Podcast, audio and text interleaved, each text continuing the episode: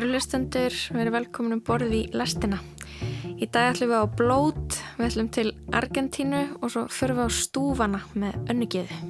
Jólatrið í stofunni, það er þræl heiðið frjósumistákn og við skreitum jólatrið með glingur og öðru í dag en við hengdum á trið hluti og, og þætti sem að vísuðu til frjósemi og erum að byggla til náttúrunar að vera frjósum að vori. Mm -hmm. Þannig að jólin eru heiðin og okkar hátti. Stuttu eftir að ég lendi á argentískri grundu gerði ég mér grein fyrir að fótbolti er ekkert grín í Argentínu. Á seinasta heimsmeistramóti Karla í fótbolta árið 2018 var ég búsett í Mexiko þar sem stemmingin var aðeins önnur. Þá fekk ég reyndar að kynna uh, litla landið okkar í sjónvarpinu á ESPN Mexiko og fekk í kjölfar hundruð vinabeðin á Facebook frá miðaldra mexikoskum karlmönnum Uh, já, ég myndi segja að það er alltaf nóg til af honum Arnaldi, Indriða og, og Irsu í rauninu líka. Og svo er mjög fyndið með hérna eina bók eftir hann Kamilu Lackberg.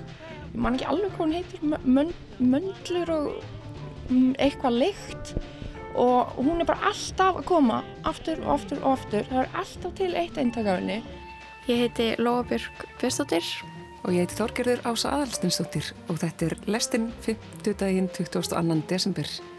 Við viljum að byrja þáttinn á jólasögu.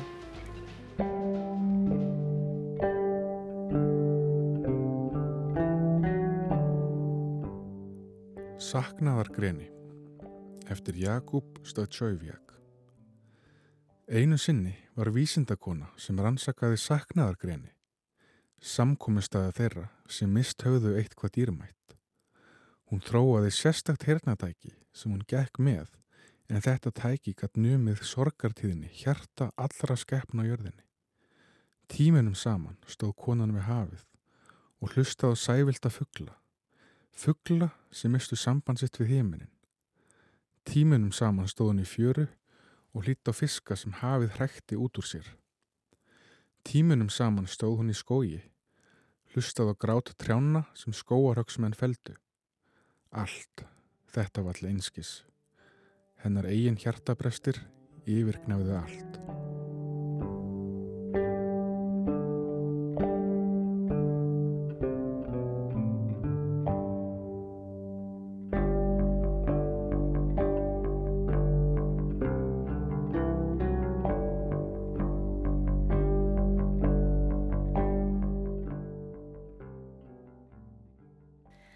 Heyrðu við sögu úr bókinni Greni, það eru jólaörsögur eftir rillistanema í Háskóla Íslands sem við höfum verið að flytja hérna í lastinni í þáttunum okkar hérna í desembers og nú erum við síðasti þátturinn fyrir jól, þetta var síðasta sagan. Um, það eru fleiri að uh, fagna heldur en Já, bara fólk sem er að halda upp á jól ásað þetta ekki. Jú, styrsti dagur ársins var í gær, vetrar sólkvörf, hinn forna hátíð ljósins. Alda vala ástýrsnartóttir Kvamsverja góði let segja sjálfsögði ekki venda á jólablót ásatrúarfélagsins sem fór fram í gær. Ég fekk hana í spjall hingað í eftirleitið og byrjaði á því að byrja um að útskýra aðeins hvernig þetta virkar allt saman með góðana og góðorðin. Við goðarnir kennum okkur við goðorð, sumir eru mjög staðbundnir og aðrir velja sér meira tákgræna goðorðakynningu. Ég kenni mig til að mynda við hvamidölum og er hvamverja goði. En það þýðir ekki það að ég sé engöngu að, að sinna fólki þar. Ég starfa að mestu hér á Reykjavíkusæðinu. Og kannski gaman að minnast á það hérna hvers vegna ég valdi með hvamverja goðorð. Málið er það að auður djúbúðga sem var óneitanlega höfðingi á landnámstíma og óneitanlega í goðastöðu þess tíma en hún var aldrei titluð sem goði. Nei, konur máttu vantilega ekki konur, vera goðar. Nei, kon, hún var aldrei titluð sem goði og, hefur, og það finnst hverki en þó er hún það merkileg að hún kemur fyrir í svo mörgum af okkar íslendingasögum og hún var mjög þekkt og virt kona á sín tíma. Mér fannst vera að koma tími til að það væri kona goði í kvamverja goðarði. Einmitt. Við ætlum að spjalla um jólablót ásatrúafýrlagsins.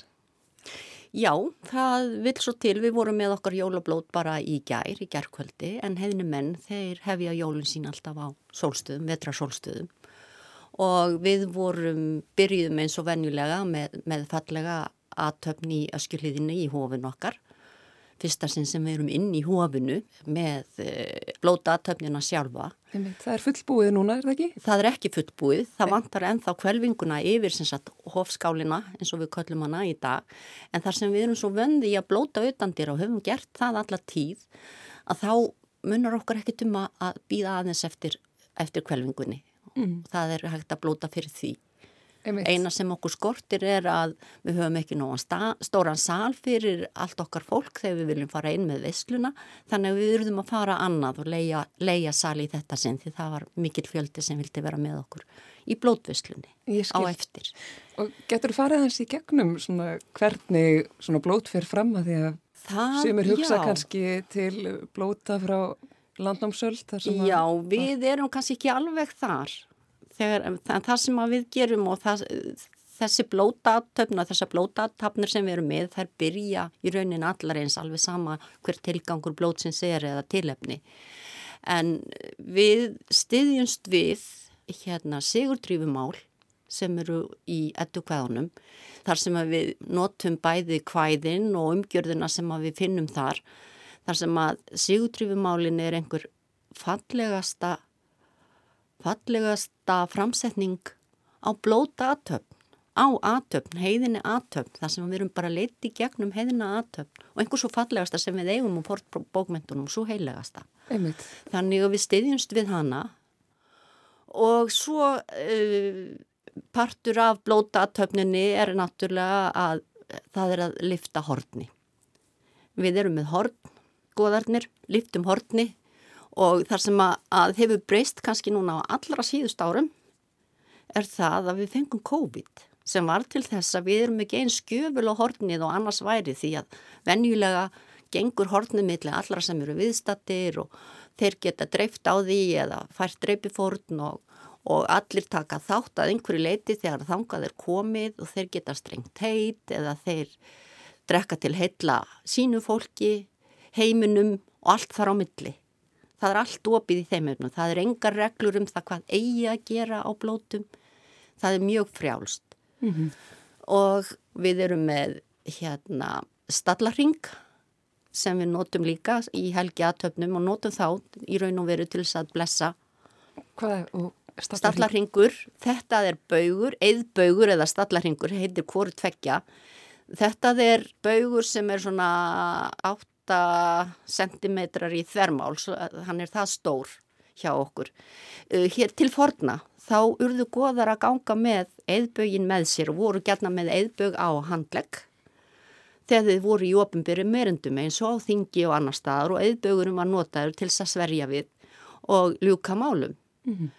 Og eðbögin notu við sem sem helgigripp við allar aðtafnir hjá okkur og það sem að að gerist til að mynda í brúðkaupum hjá okkur að þá heldur goðin í einn dögnsinn og brúðhjónin þau halda með og fara með sína eiða. Þannig að hlutverk þessa eiðbjóks er tölvert hjá okkur. Mm. Um, við erum alltaf með lifandi eld. Það er bara partur af prógrammet eins og við segjum. Eins og ég sagði áðan erum við oftast utandira úti í loftinu. Við erum með lifandi eld þar sem við höfum eldelementið. Uh, við stöndum á jörðinni þar sem við höfum jarðarelementið og vasselementið fylgir í hotninu. Blótaatapnir hverjar sem þær eru þær taka mið af elementunum, frumefnunum og þær taka mið af náttúrinni og í inganginum úr sigurdrýfumálunum þar sem við liftum hotni til heitla degi, dagsinu og svo framvegis þar sem við förum með erindi. Þar eru við í raun og veru að helsa höfuð áttunum þannig að þetta er mjög víð náttúru aðtöfn þar sem við tökum með þessu gömlu fornugildi sem hafa verið og fylgja í flestum trúabröðum enn í dag. Mm -hmm. Þannig að þið heilsið höfuð áttunum og eru sérstakir guðir ákallaðir? Eða? Nei, það sem, að, jú, það sem við gerum og höfum það bara úr grákás og fleiri eh, fornum heimildum að við kallum til freys og við kallum til hins allmátt gás og þar getur hver og einn í raun malið hver er þessi allmátt ekki ás. Já. Hann er ekkert nefndur frekar en kemur oft fyrir í heimildum og við tökum þetta bara svolítið inn hvert fyrir sig. Mm -hmm. og, jú, og ég gleymi náttúrulega að það er freyr og njörður og hann allmátt ekki á sem taka beina þátti í, í helguninni. En það sem við erum að gera þegar við byrjum aðtöfn við erum í raun að helga stund og stað hvar sem við erum út í náttúrunni. Í gæri tilfellinu voru við í hofun okkar og við opnum helgi á staðnum sem við erum með helguninni og við ljúkum henni þegar við hættum. Þannig við skiljum allt eftir eins og það var fyrir. Og þetta er svolítið, minni mig persónulega svolítið á huldufólksögurnar. Já. og ekki síst þegar álvarnir flytja sig og álvarnir halda hátíðir um áramót. Þá koma þeir saman klætti dýrindisklæðum til veislu og veisluhalda og dansa og syngja heila nótt og svo hverfa þeir á mótni og, og taka allt með sér aftur þannig enginn sér að þar hafi farið fram álfaveisla. Þetta er svolítið þannig, við komum að náttúruna því við erum svo mikið úti, komum að náttúrunni og við skiljum hann eftir eins og við komum að henni þegar við förum. Einmitt. Mikil virðing fólkin í, í þessum. Já, En mér langaði að spyrja út í sigur drífumál fyrir þá sem eru kannski örlítið riðgæðir eða langt síðan þeir lásu þessi kvæði. Getur hérna Já, sigurdrífumál. Sigurdrífumál eru á þeim staði sögunum þar sem Sigurður Fafnusbræni.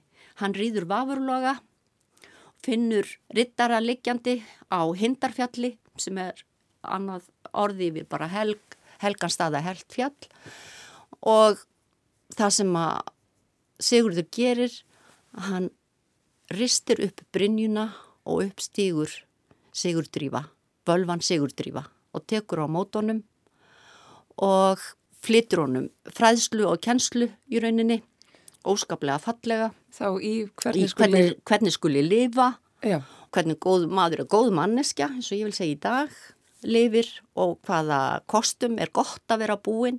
Ég vil minna á það aftur þegar við förum nefnilega í gegnum eddukvæðin og förum í gegnum öll þessi gömlu góðakvæði sem þar eru, ekki síst í háamálum, að það er allstaðar þannig að þar sem við komum að, það er fullt af ráðum. Fólk er að koma og sækja sér ráð til skálda, til konungs eða, eða til hins háfa eins og í háamálum og þarna hjá Sigurdrífu líka að það er öllum bóðið ráðgjöf en það er öllum bóðið líka að þykja eða ekki. Því ábyrðin liggur alltaf hjá þeim sem kemur og sækir ráðið. Ábyrðin er þín. Þú græðir á því að fara eftir þessum ráðum en þú ræður því sjálfu hvort þú vilt taka þeim. já, Og þetta er kannski það sem er svo fallegt í öllum þessum hérna fornakveðskap og öllum því sem við stiðjumst við í kringum okkar heiðna sið að það er þessi opna framkoma. Og þess að gera það líka að verkum. Ábyrðin er alltaf hjá þér, þú berð ábyrð á þínu eigin lífi en ég skal gefa þér ráð en þú ræður hvort þú ferð eftir því. En að því þú nefndir að þið fylgið svona ákveðnu formi sem kemur fram í sigur drífumálum. Já, í sigurdrifumálum þá kemur sigurdrifa einmitt með hornið, hún fyllir á hornið fyrir sigurð og hún fer með þessi kvæði heil dagur, heili dagsinnir, heil nótt og nift og svo framvegis og heilir æsir, heilar ásinnir og svo framvegis. Og þar talar hún um, í fyrra erundinu er, er það í raun og veru höfuð áttirnar ef við skoðum heil dagur og dagsinnir er kvöldið, nótt er nóttin og nift er morgunsárið. Þannig hún er að fara sólargangin þar. Og svo í heil æsir, heilar á sinjur og heil sjáum fjölnýta fold, þar tekur hún með heiminin og jörðina og jarðarmóðurina sem er mjög sterk hjá okkur heimnum fólki. Jörðin og náttúran er svo umgjörð sem við búum í og það sem við lifum á, það sem gefur okkur líf. Þannig að við erum með þetta allt þarna inni. Einmitt. En þetta er sem sagt helguninn og, og ingangurinn að, að öllum aðtöfnum hjá okkur, ekki bara jólablóti og við ætlum að ræða þess um jólablótið. Já, algjörlega. Jólablótið eða blót, öllum aðtöfnum fylgja veislur og tilgangurinn er, er að koma saman. Við setjum okkur í gýrin með aðtöfnina á undan og síðan borðum við saman, höfum það skemmtilegt saman, hittumst og tölumst við og hvað gerum maður á hlaðborði í dag? Borðar. Borðar, Já. hittast, hittist fólk saman, borðar saman og svo framvís. Þetta er bara allt úr þessari sömu mynd. Koma saman, borða saman og gleðjast. Einmitt. Og er þetta, þetta sama er þið með valdvorfsalatið og Já, já, já, og- já, já, við, það er sko, hérna, gleymum því ekki að við erum heiði fólk í nútíma. Og það sem gerir, ef við kvöllum að trúabröða lífsmáta sem að við kennum okkur við hvort tvekja, að það sem heldur trúabröðum eða lífsmáta eða því sem við gerum og aðhyllumst lifandi er að það er lifandi þroskast og breytist og það gerum við að sjálfsögðu líka. Mm -hmm. Þannig að það er allir velkomni til okkar í félagi, það er allir velkomnir að taka þátt í þessum aðtöfnum okkar og allir velkomnir að vera með hvaðan sem þeir koma, hvernig sem þeir eru að litið eða hvers kynst þeir eru, það er allir jafnir. Já. Og hlusta á ráð og, og meta sjálfur hvort og, og meta svo sjálfur hvort þeir fylgja nákvæmlega. Ja. Það er op, opið að öllu leiti hvernig það er. Akkurat. En uh, er gengið í kringum jólatriði eða sungnir einhverju söngvar? Uh, ekki í sjálfum aðtöfnunum. Í sjálfum aðtöfnunum og þá er það helst að við goðarnir við kveðum og við veljum kannski svolítið eftir tilefninu hvað, hvað við tökum. Við kveðum gætnan úr, úr völusbá sem er einhvert indislegasta fortkvæði sem við eigum sem næri við miklu meira heldur en áskarði eða æsi heldur er þetta heimsmyndarkvæði og framgangur heimsins.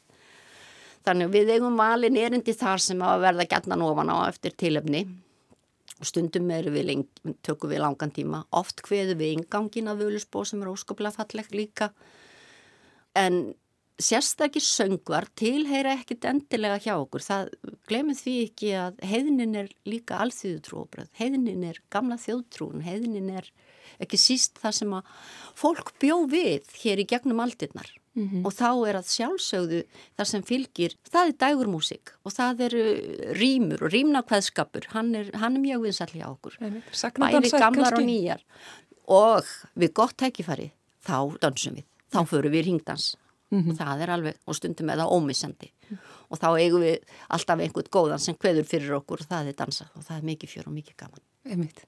En er eitthvað sem tengist jólum eða sólstöðu? Það er náttúrulega það sem tengist jólunum og sólstöðunni fyrsta lagi þar náttúrulega er þetta á vetri þetta er svartasta skamdeginu og hér áður fyrr þá til þess að stitta þennan tíma þar sem að vinnutími var náttúrulega örstuttur í, í dagspyrtu og þetta er dvalatími yfir veturinn og það liggur allt líf í dvala en þessi tími var notaður til heimsókna og veisluhalda mm -hmm. það var einhver hægt að sinna úti en fólk kom saman og ég vil gætna minnast á það líka hér áður fyrir sérstaklega að yfir vetratíman þá lagði oft ár og vöpp og það varð allt í einu miklu stittra millir nágrana mm -hmm.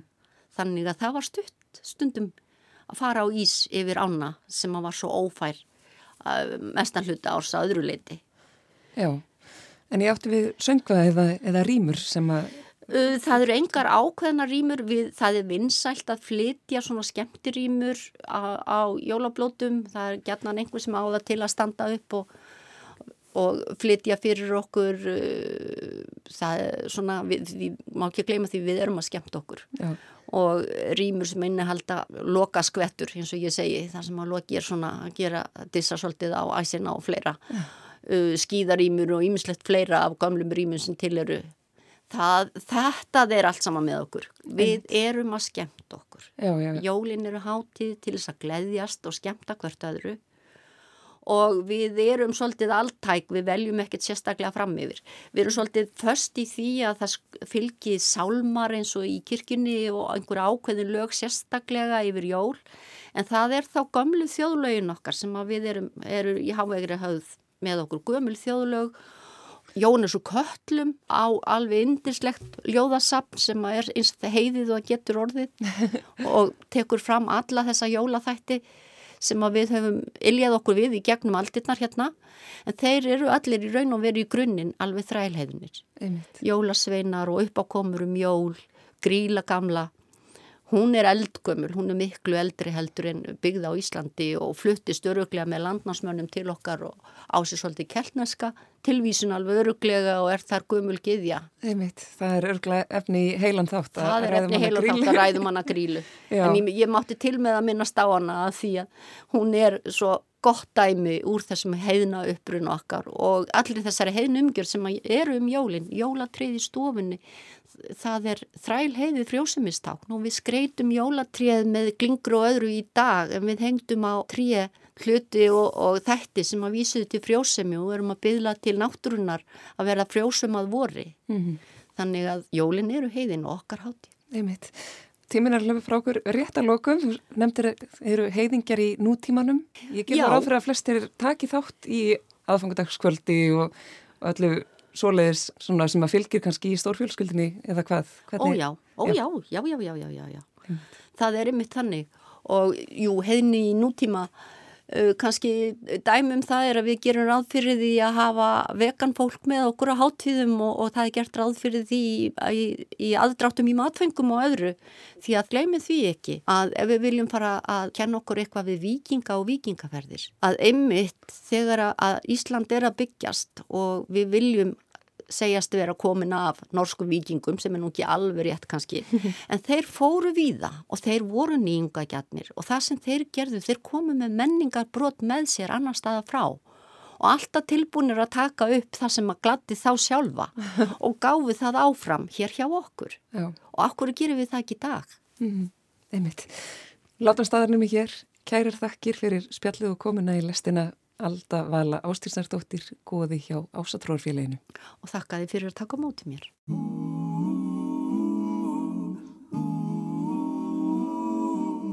Leppur, skreppur, leinda skjóða, voru að sjóða, bílskröða, hækla bjóða, sæma fróða,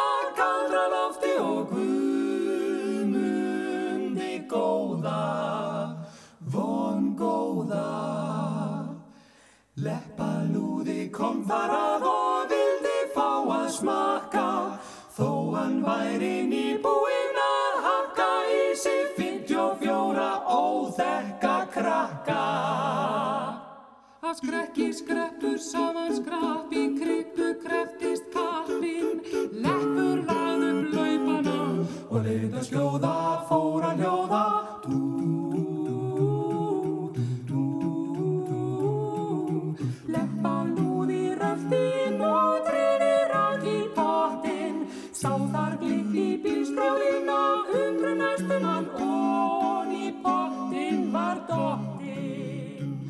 Hér erum við kvartettinn Rúdolf flytja lagið Leppur, skreppur og leiðindaskjóða. Lag eftir Gunnar Þórðarsson en textinn eftir Gísla Rúnar Jónsson. Einmitt uh, skemmtilegt lag sem þú fannst ása en á, uh, á sunnudaginn þá fögnuðu íbúar Argentínu og heimsbyðin með þeim. Er þeir treyðu sér sigur á heimsmestramóti Karla í Knatsbyrnu Heiða Viti Sigfúrsdóttir var stödd í Argentínu á meðan að mótið stóð yfir.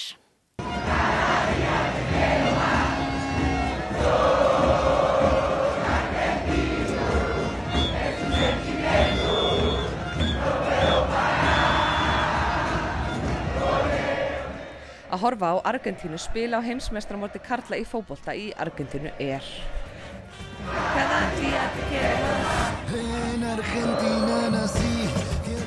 Í katholsku landi þar sem fótboltinn er heilagri en Vatikanið og Páinn sem er ju argentískur hefur ekki tærnar þar sem fótboltamennir hafa hælana.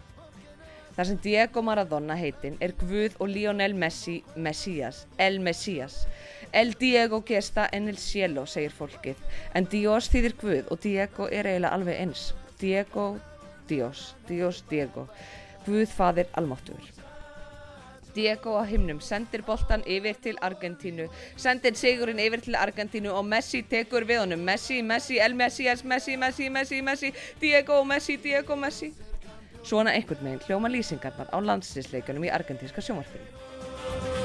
El cielo no podemos ver. Con Þegar Diego Maradona, eitt besti fókbóltamaður í sögu Argentínu, lést 60 ára af aldri þann 21. november árið 2020 stóð yfir meður heimsfaraldur. En í Argentínu var fókbóltin og er hjartað eldurinn og þrátt fyrir harðar takmarkanir, reglur og almennar hræðslu við veiruna skæðu flyktist fólk á götur út til að sirka í saminningu, sína sam... Blóð, sviti og tár og örgla mikið að veiru heimamanna saminuðust við þeir lói Lisko í miðborg Buenos Aires til heiðurs Diego Maradona. En einn heimneski fadir skildi blessunlega eftir sinn andlega enga són sem getin var af heilugum anda fættur af Velino Cucitini árið 1987, Lionel Messi. Lionel Messi, the lucky number 10.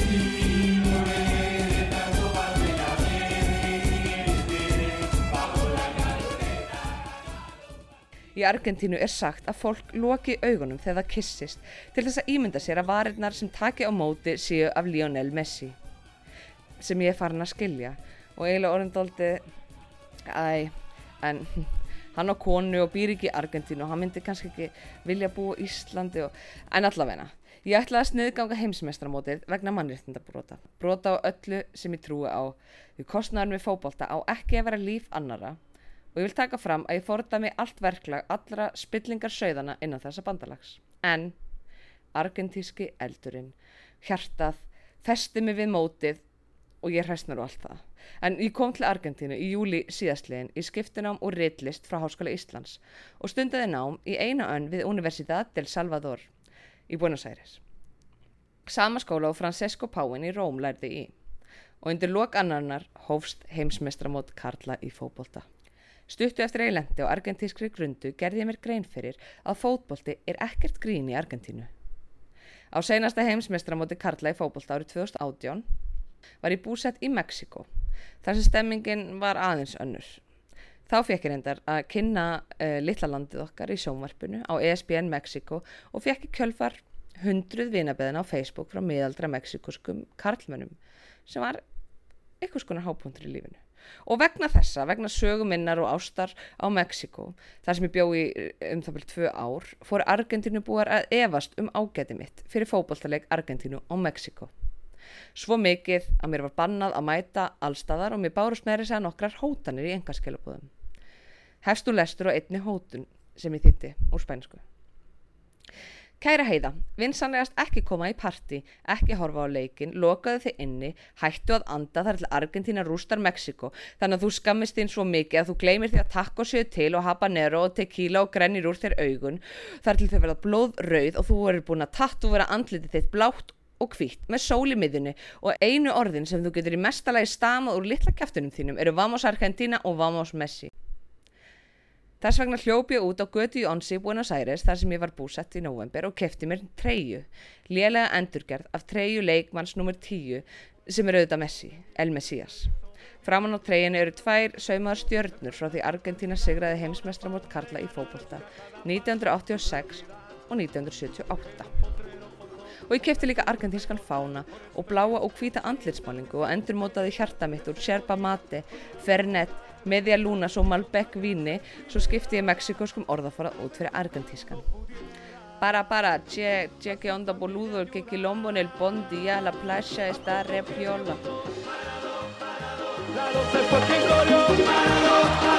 Su sueño tenía una estrella saðist elska fókbólta, evitu, byltingu, borghers og rantaði um óðaverbolgu þar til ég satt í grasinu í borginni miðri, drekkandi sjerpa mati og stálröri og vældi yfir því að geta ekki sofið á nóttinu því við væri svo ástfangin af Messi og Diego Maradona og loksins þá loksins hættu mér að berast hótanir. Mér var bóðið í parti eftir parti. Það fyrsta á 13. hæði íbúð með sundlu í 30 steg að hita í november í einu af fítni hverfum búin á særi.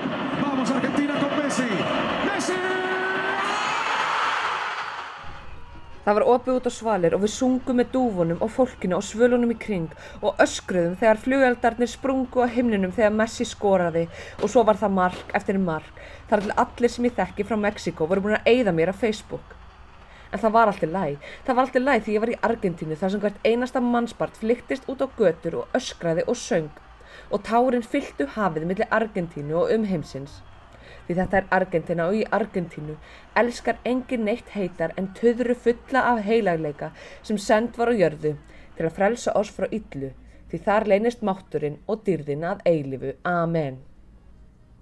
Amen. Ég fylgdist með Argentínu, busta Pólandi, sigra Ástralíu og vinna með naumyndum gegn Hollandi í borginni Bariloche í Patagóniu. Þar var stemmingin ekki síðri en í Buenos Aires. Fólki var færra en í Bariloche búa um, 130.000 manns sem gerði það að verkum að hægt var að draga andan í miðri mannverðinni. En það er loftslæði í Bariloche svolítið eins og í Íslandi, þar sem snjómálaðir fjallstindar vaka yfir og heiðblá stöðuvett með dáleðandi gárum gleipa augnaróð hvers þess sem gengur hjá svo tímunum skipti. En allavegna, í Barilotsi dansaði ég úti á götu, umkring þrópum og trommum og flautum og lástursbombum og öllum hljóðfarum eða hljóðum sem Argentínu menn gáttu framkallað þar til ég var komin upp í flugvil og lendi í Salta í norður Argentínu. Ég og nokkra skólasýstu mínar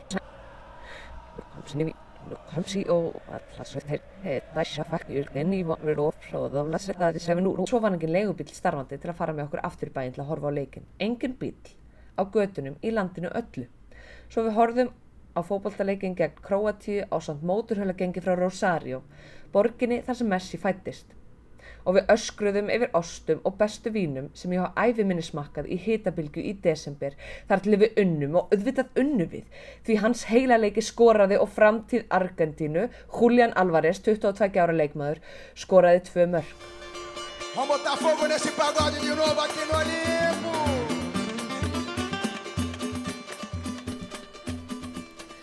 Sorglegasti tímapunktur Argentínu dvalar minnar var flugmið til Brasilju að morgni 18. desember síðastliðin. Sama dag og úrslitaleikur heimsmestramóts Karla í fókbólta fór fram. Argentína gegn Fraklandi.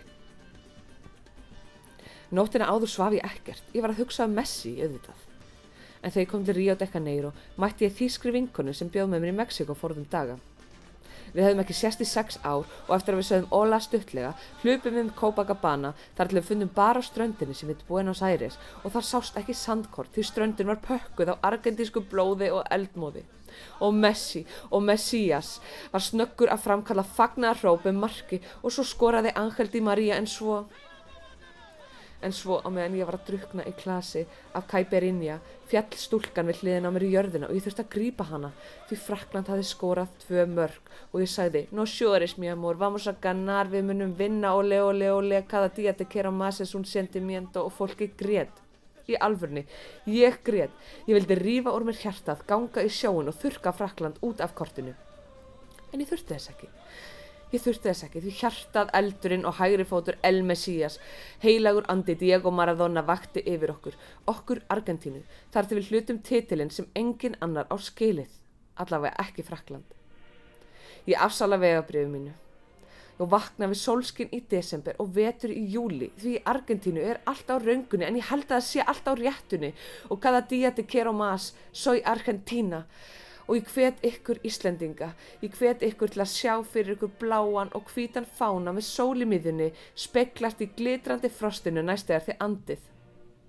Loka augunum, kissa einhvern eða loftið og ímynda ykkur að varirnar sem taki á móti ykkur sé af Lionel Messi, El Messias.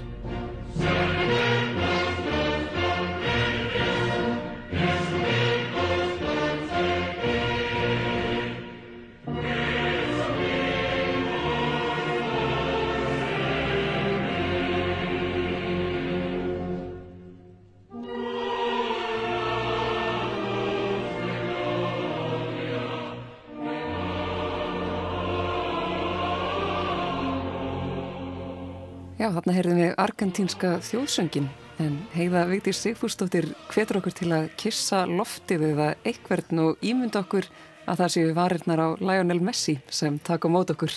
Já, þetta var skemmtileg frásögn, það er ótrúleg stemming og ástriða fyrir fókbóltanum hann í Argentínu.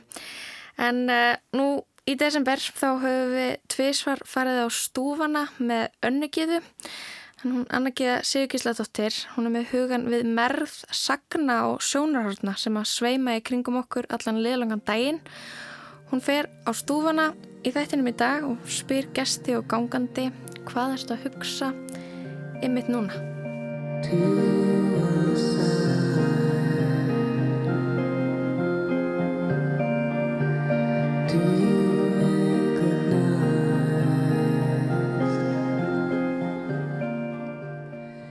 Í gær hóf ég einhvers konar innslagsserju hér í lastinni þar sem ég fer á stjá og spyr fólk á förnum vegi hvað það sé að hugsa þá stundina. Það sem ég er að pæla eru allar þessar sögur og þessar endalisu hugsanir sem að flæða inn út úr hugunum yfir daginn. Flesta kannski svolítið ómeðvitaðar. Mér er nefnilega sagt að mann dýrið hugsi 6.000 hugsanir á dag eða svona um það byrjum 6.000. Þannig að, að hugsa sér allar pælingarnar, allar sjónarhortnin, allar hliðarnar, allar sögurnar sem er að vera til ymmit núna. Að því gefnum fer ég nú á stúfana og bæti í sjónarhorna bankan. Ég spyr, hvað ert að hugsa ymmit núna? What were you thinking this Hvað er What are í you dag? thinking right now? What Hvað is ertu að hugsa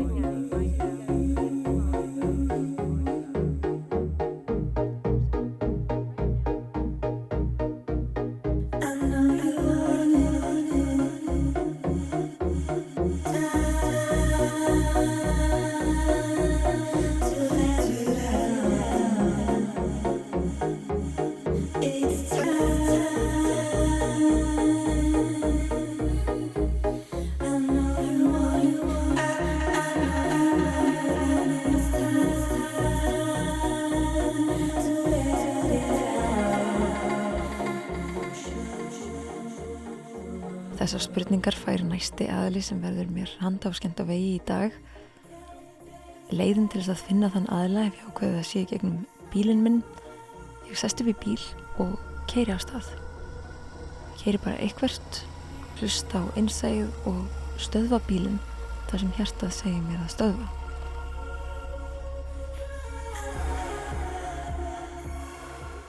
Í dag segir hjarta mér að stöðva við herstegsbúðina á Vínlandsvegi. Ég gengin í veslunina og sé þar brósmilda konu á bakvið afgjörsluborðið. Hún kynir sig svona. Uh, ég heiti Áróra Sif Sigurðardóttir og vinn í Neitjamarkaði.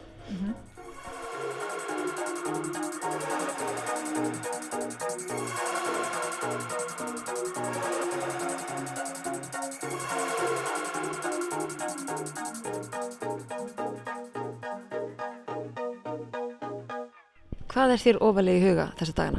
Uh, bækur, ég er mjög mikið að hugsa um bækur þessa dagana. Hvers konar bækur og hvers vegna? Um, bara bæði bækur sem ég langar í og langar að lesa. Uh, hvenær mun ég hafa tíma til að lesa þessar bækur og í vinnunni þá er ég að sjá um bækurnar og þá er ég ofta að sjá eitthvað svona nýjar og skrýtnar bækur sem að mér finnst mjög áhugavert. Ok, nú erum við svo margar spurningar. Hvaða, hvaða bækur langaði að lesa um þessa myndir? Mm, mér langar að lesa það hér þarna í orði Guðs eða, eða hér heilaga orð, ég man það ekki, ég man ekki hvað hann heit. Sigriði Hagalín. Já, einmitt, ég var nefnilega að byrja að lesa hana og svo týndi ég henni, þannig að, já, Hvernig týndur henni og hvar? í vinnunni. Þannig ég hrættum að einhver hafi keift kannski bókina mína sem ég var að lesa. Þannig ég er að reyna að finna hana aftur. Ég langar rosalega að lesa hana. Og svo langar mér að lesa hana nýjustu Irsu bækunar líka. Og svo er ég með bara bunga heima sem á eftir að lesa af alls konar bókum. Þannig að þú ert bóka ormur. Mikill bóka ormur, já. Hvað er það sem að heitlaði við bækur og lestur? um, svona þegar maður er að lesa þá er svona meiri ró yfir manni heldur en þegar maður er að horfa eitthvað. Og mér finnst ég oft bara svona læra á sjálfa mig og bara svona mannlegt ástand að lesa góða skáldsögu. Og mér finnst það mjög heitlandi við að lesa. Og svo finnst mér bækur líka bara heitlandi sem listform líka. Svona bókagerð og svona vera að föndra með bækur, búa til bækur og búa til pappír og já Er þetta eitthvað sjálf að skrifa? Um, ekki mikið þessa dagana en ég hef mikið skrifað svona ljóð og texta meira heldur en sögur sko. Finnst það oft líka að hjálpa mér og svo bara kemst maður stundum að því að maður er betri að skrifa en maður heldur. Um leiðum maður byrjar. Og langar að læra mitt meira svona gamla hérna íslensku, þú veist, ljóðlistina þú veist, bara, æ, allt þetta búin að kaupa mér einmitt tvær bækur í vinnunni um, um svona hvað heitir þetta, bragarhættir og eitthvað svona í ljóðagerð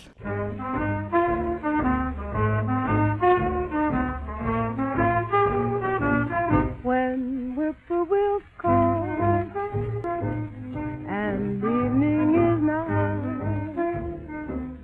I hurry to my Árára segir mér að hún hafi yfir umsjón með bókadeild hjálpræðisessins í dag. Hún leiði minn í bókadeildina þar sem að allt verist verið í röð og reglu en það leggur hún áherslu á skipulag. Ég vinn í bókunum í dag sko. Þannig að þessin er það kannski svona ofarlega akkurat núna líka. Og, og ég er alltaf að reyna að hafa svona skipulag. Já. Þannig að fólk getur komið og það veit hvað það vill. Þá getur það farið bara og séð, já það er hér. Og þarf þá ekki að leita í öllum bókunum. Ég sé það, mjög verið aðeins. Já, þakka þér fyrir. Ástarsögur, bækur á öllum tungumálum, upplæti bækur, alls konar ljóð og sko, uh, fáið þið bókakassa á hverjum degi? Ég myndi segja að við fáum gríðalegt magna bókum. Bara alls konar bókum. Ertu alltaf jafn glöð og spennt þegar þú ferð bókakassa? Nei, get ekki sagt það. Er þetta orðið yfirþyrmandi magn? Uh, já, og ef það er orðið of mikið bakvið þá verður þetta bara yfir þyrmund og þá er ekkert gaman í bókanum. Já, það þarf að vera svona einhver, þessi gullni miðalvegu sko. Maður getur ekki verið að drukna í bókum en alltaf gott að hafa nóga bókum. En er fólk mikið að kaupa bækur hjá okkur? Um, ekki mikið, ég vildi að væri að kaupa meira bókum. Ég veit ekki hvað veldur. Það er náttúrulega umræður í veist, varðandi lestur og svona. Og hérna, og þú veist, við erum bara strax, sem ég, veist, það kom bara strax til okkar núna, þannig að Loklokk og Læs, veist, nýjasta yrsubókin, bara strax komin til okkar. Þannig ykkur er bara nýbúin að lesa hana? Já, já, og komum það bara með hana hinga, sem er, alveg merkilegt, þau bara strax með hana til Já. ykkar. já, það er bara mjög, mjög vel þegið, sko. Þannig að kemur fólk stundum inn bara með eitt hlut til að gefa ykkur? Yfirleitt ekki, yfirleitt er það nú allavega með veitkassa eða boka eða eitthvað. En stundum kannski fann fólk eitthvað í bílnum og svona, heyrðu, má ég kannski láta þið fá þessa bók? Og, já.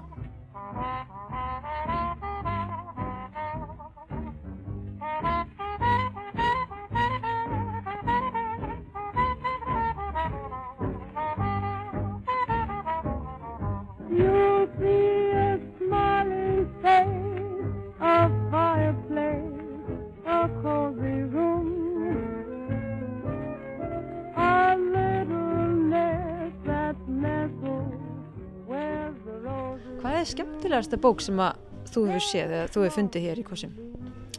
Um, Eða kannski eftirminnilegast, ég veit ekki, eitthvað svona... ó, það er svo mikið af flottum bókum sem hafa komið. Allar svona listaverkabækur og svona, uh, sá ég hérna tvær, tvo doðranda um sko leturgerð sem er mjög áhugaverst. Og svona Art Nouveau, uh, lopapeysur og skarkripir, þú veist, alveg sér bók um hvert sko, málefni Art Nouveau stefnunar sko, þannig að, já, mér finnst alltaf gaman að sjá svona þannig bækur sem maður kannski sér ekki út í búð hérna heima. Mm, fólk hefur kannski keift úti eða eitthvað og svo losa sig við á endanum. En þú fannst þær bækur, tókstu það strax heim til þín? Nei, ég reynir nú yfirleitt að gefa þeim sjans í búðinni áður en ég, já, ákveða eitthvað, æ, ok, ég tek þessa bók. svona reyna að gefa þeim svona fair shot í búðinni, já. Og þannig ég sé ekki bara að taka allar. Mig grunur alltaf að svona mm, second hand fatabóðum, vintage fatabóðum, mig grunur alltaf að starfsfólkið taki flottustu fötin. Já, já, ég, einmitt, ég held það líka sko, en ég byrjaði að vinna á nýttjamarkaði, að því ef að við værum alltaf að taka að flottast og við værum bara að drukna í fötum heima hjá okkur. Og það vil það heldur enginn, þannig maður reynir að velja bara vel og ekkert vera, já, taka of mikið með sér, kaupa of mikið, já. Ok, einspurning, hvað finnst þið skemmtilegstu hluturinn sem þið eigið ymmit núna um þessa myndir hér á nýttjamarkaðinum? Um, stórt er spurt. Ég er nefnilega ekki búin að vera inn í búðinni í dag sko þannig ég veit ekki alveg, maður veit aldrei alveg hvað er inn í búðinni. Ok, þá bara í bókadeildinni, fyrst þú ert hér í dag. Er ykkur bók sem að þið finnst skemmtilegur en önnur? Um, Núna? Núna um mundir, hvað, já, já, heyrðu hérna einmitt. Þessar fannst mér rosalega flottar. Það er bara heil hérna Human Anatomy og hérna, og The Brain Book. Já. Rosa flotta bækur sem eru rándýrar sko, leita, þegar maður leitar þar uppi. Og hérna, veist, The Art and Craft of Jewelry og svona, mér finnst þetta geggjaða bækur. Já, þetta er skemmtilegt. Já, ég er mest í svona uppfletti, já, ég er rosa svona svona uppfletti bækur.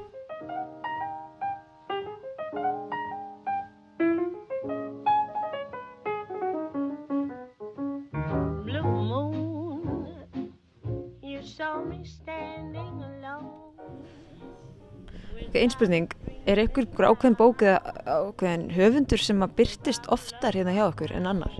Uh, já, ég myndi segja að það er alltaf nóg til af honum Arnaldi, Indriða og, og Irsu í rauninu líka.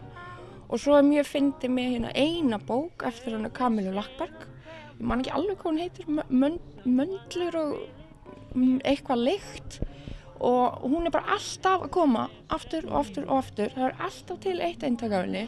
Ég held ég eigi svona sam, sjö eintak af henni inni núna. Ég skil ekki akkur akkurat þessi Kamilu Lackberg bók. Það var kannski ekki besta bókin hennar. Hefur þið lesið þessa? Nei. Hefur eitthvað lesið um hana? Nei, reyndar ekki sko. Ég las nú Kamilu Lackberg hana... Maður ætti kannski að tjekka á þessu. Já. Hvað er það við þessa bók? Já, maður ætti kannski að tjekka á henni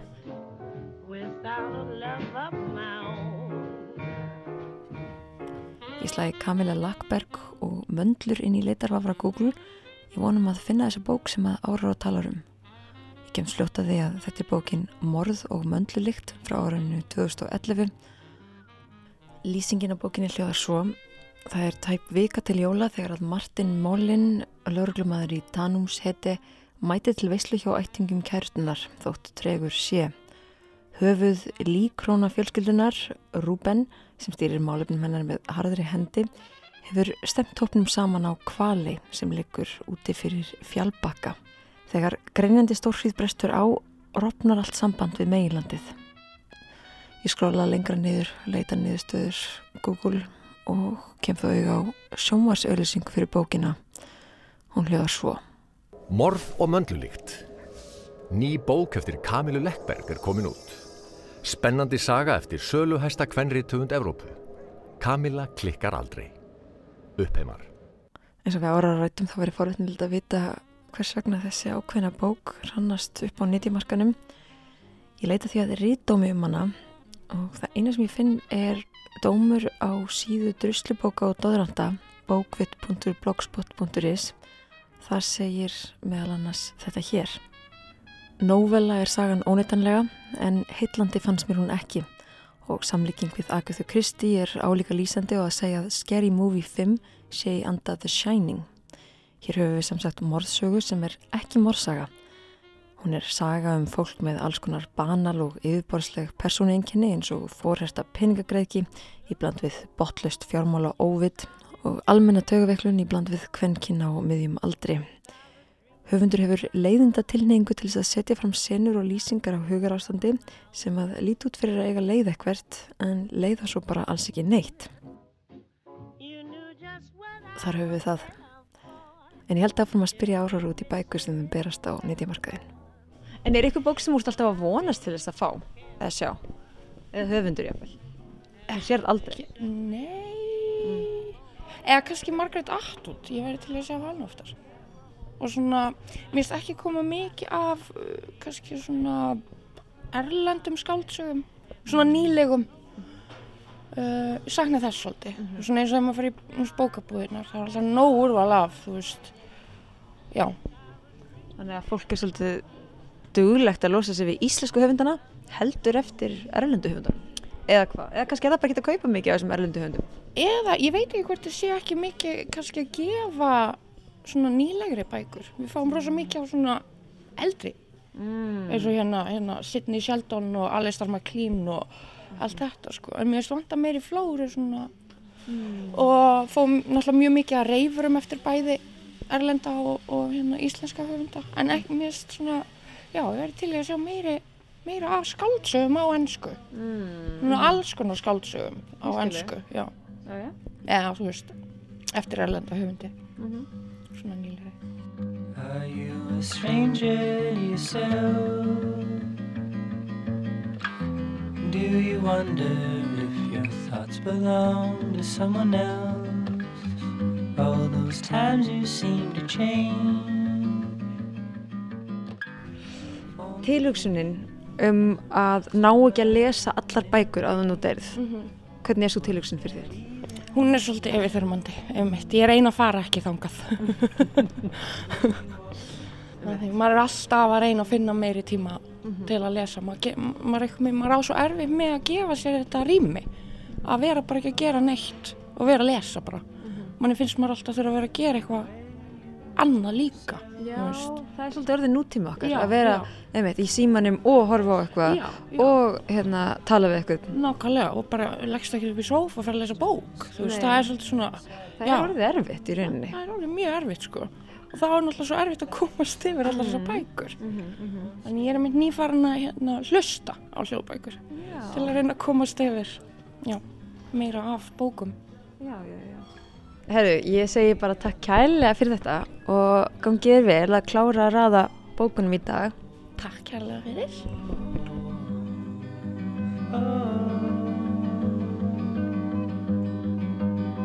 Too many paths you can't decide. So you take the one that lets you hide.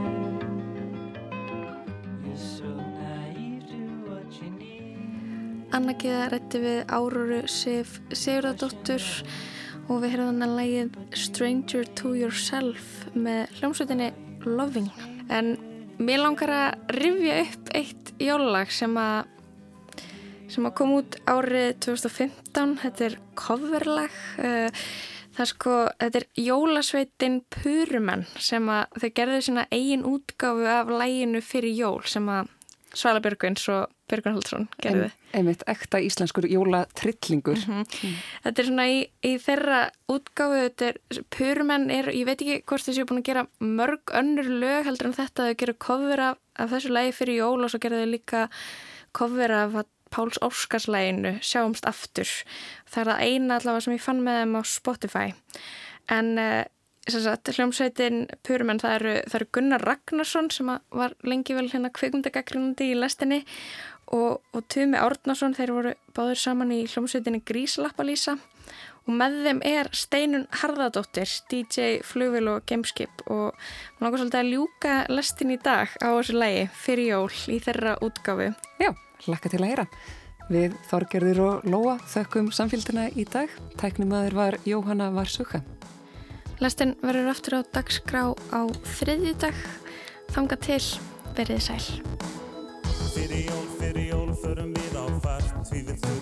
Gera svo galmart Lækka sól, lækka sól, en við látum þó Ekkert aftur okkur í því að það snjó Fyrir jól, fyrir jól, fennum spari Ætla að kaupa margt fallegt sem ég hef séð. Fallegt dót, jóladót, nokkar plötur með. Líka skraut til að setja á jólagref En það borgar sig að vera með með búin En við þurfum að hljekjast um allan bæ. Eftir ferðina verðum við heflust nú En fyrir jól, fyrir jól, svona það bæ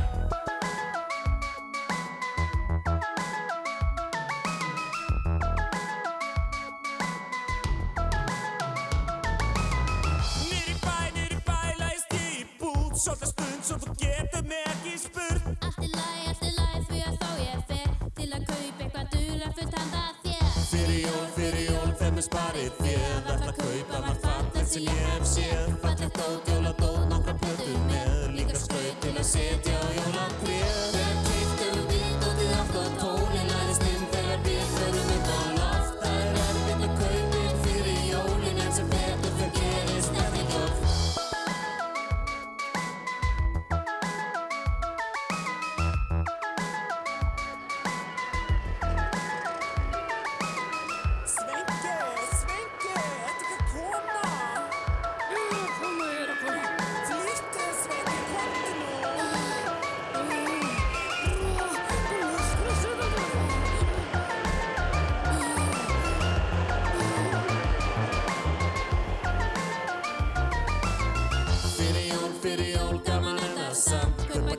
sem hver og einn fær sinn skam. Fyrir jól, fyrir jól, flýður dagurinn Kýrst og þar líka bakandi dóttinn inn. Fyrir jól, fyrir jól, þeim er sparið fél Þetta kaupa margt fallegt sem ég hef séð. Fallegt dót, jóladót, nokkra plötur með. Líka skraut til að setja á